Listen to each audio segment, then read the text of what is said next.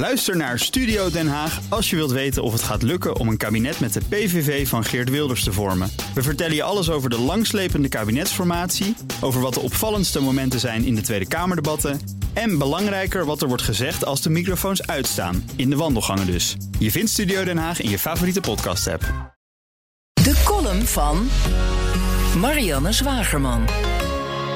Zuiltjes die groen en rood kleuren, één minuut om je punt te maken. Politici springen weer door de hoepeltjes van de tv-makers. De manier waarop hier gediscussieerd wordt bevalt me voor geen meter, bromde Pieter Omtzigt. En dan had Omtzigt nog geluk dat hij zondagochtend meedeed bij WNL aan het debat tussen de nummers 2. Alle nummers 2 zijn leuker dan hun lijsttrekkers, die elkaar helemaal zat zijn na een jaar coronadebatten. RTL probeerde ze s'avonds uit hun ingesleten groef te trekken door echte mensen de arena in te slingeren. In hun veilige coronabubbel waren de politieke kopstukken blijkbaar al tijden geen normaal mens meer tegengekomen. Ik deed het niet zelf, piepte Rutte, terwijl hij zich voor de zoveelste keer onder zijn verantwoordelijkheid probeerde uit te draaien voor het in de vernieling helpen van duizenden ouders in het toeslagenschandaal. Op het binnenhof lukt hem dat probleemloos. Voor de draaiende camera tegenover een echt slachtoffer had hij het moeilijker. Al was het maar omdat mevrouw Rongen hem strenger ondervroeg dan hij gewend is vanuit het kleffe Haagse journalistenkliekje. Op 17 maart mogen we stemmen voor nieuwe en hopelijk betere volksvertegenwoordigers, maar niet voor betere journalisten. De weekendkranten stonden vol beschouwingen over één jaar corona in Nederland. De laatste weken is er eindelijk meer ruimte voor een tegengeluid in de media. Maar hemeltje lief, wat heeft dat lang geduurd? Terwijl er echt in maart vorig jaar al genoeg feiten op tafel lagen om de regering kritisch te benaderen.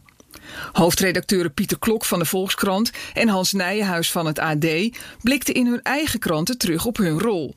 Zien ze zichzelf als schoothondjes van Jaap van Dissel? Hebben ze zich gedragen als postbus 51 in plaats van als kritische journalisten?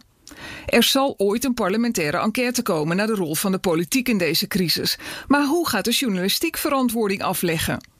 Een echt antwoord kwam er niet van de hoofdredacteuren. Nijenhuis zegt: Zo'n site als HerstellenL, waar wetenschappers het coronabeleid kritisch beschouwen, hadden wij dat niet moeten zijn? Ja, en kom eens uit de nabeschouwingsmodus. De wedstrijd is nog in volle gang. Nederland snakt naar een open debat, waarna de witte jassen weer hun ziekenhuizen ingejaagd worden en verstandige mensen die geen miljoenen verdienen aan testen en vaccins de macht overnemen. Een open debat met een open mind. Kan iemand dat snel organiseren? Ook Diana Matroos vind je in de BNR-app. Ja, inderdaad. Je kunt live naar mij luisteren tijdens de Big Five. Ook handig in de BNR-app. Breaking nieuwsmeldingen, maar ook het allerlaatste zakelijke nieuws.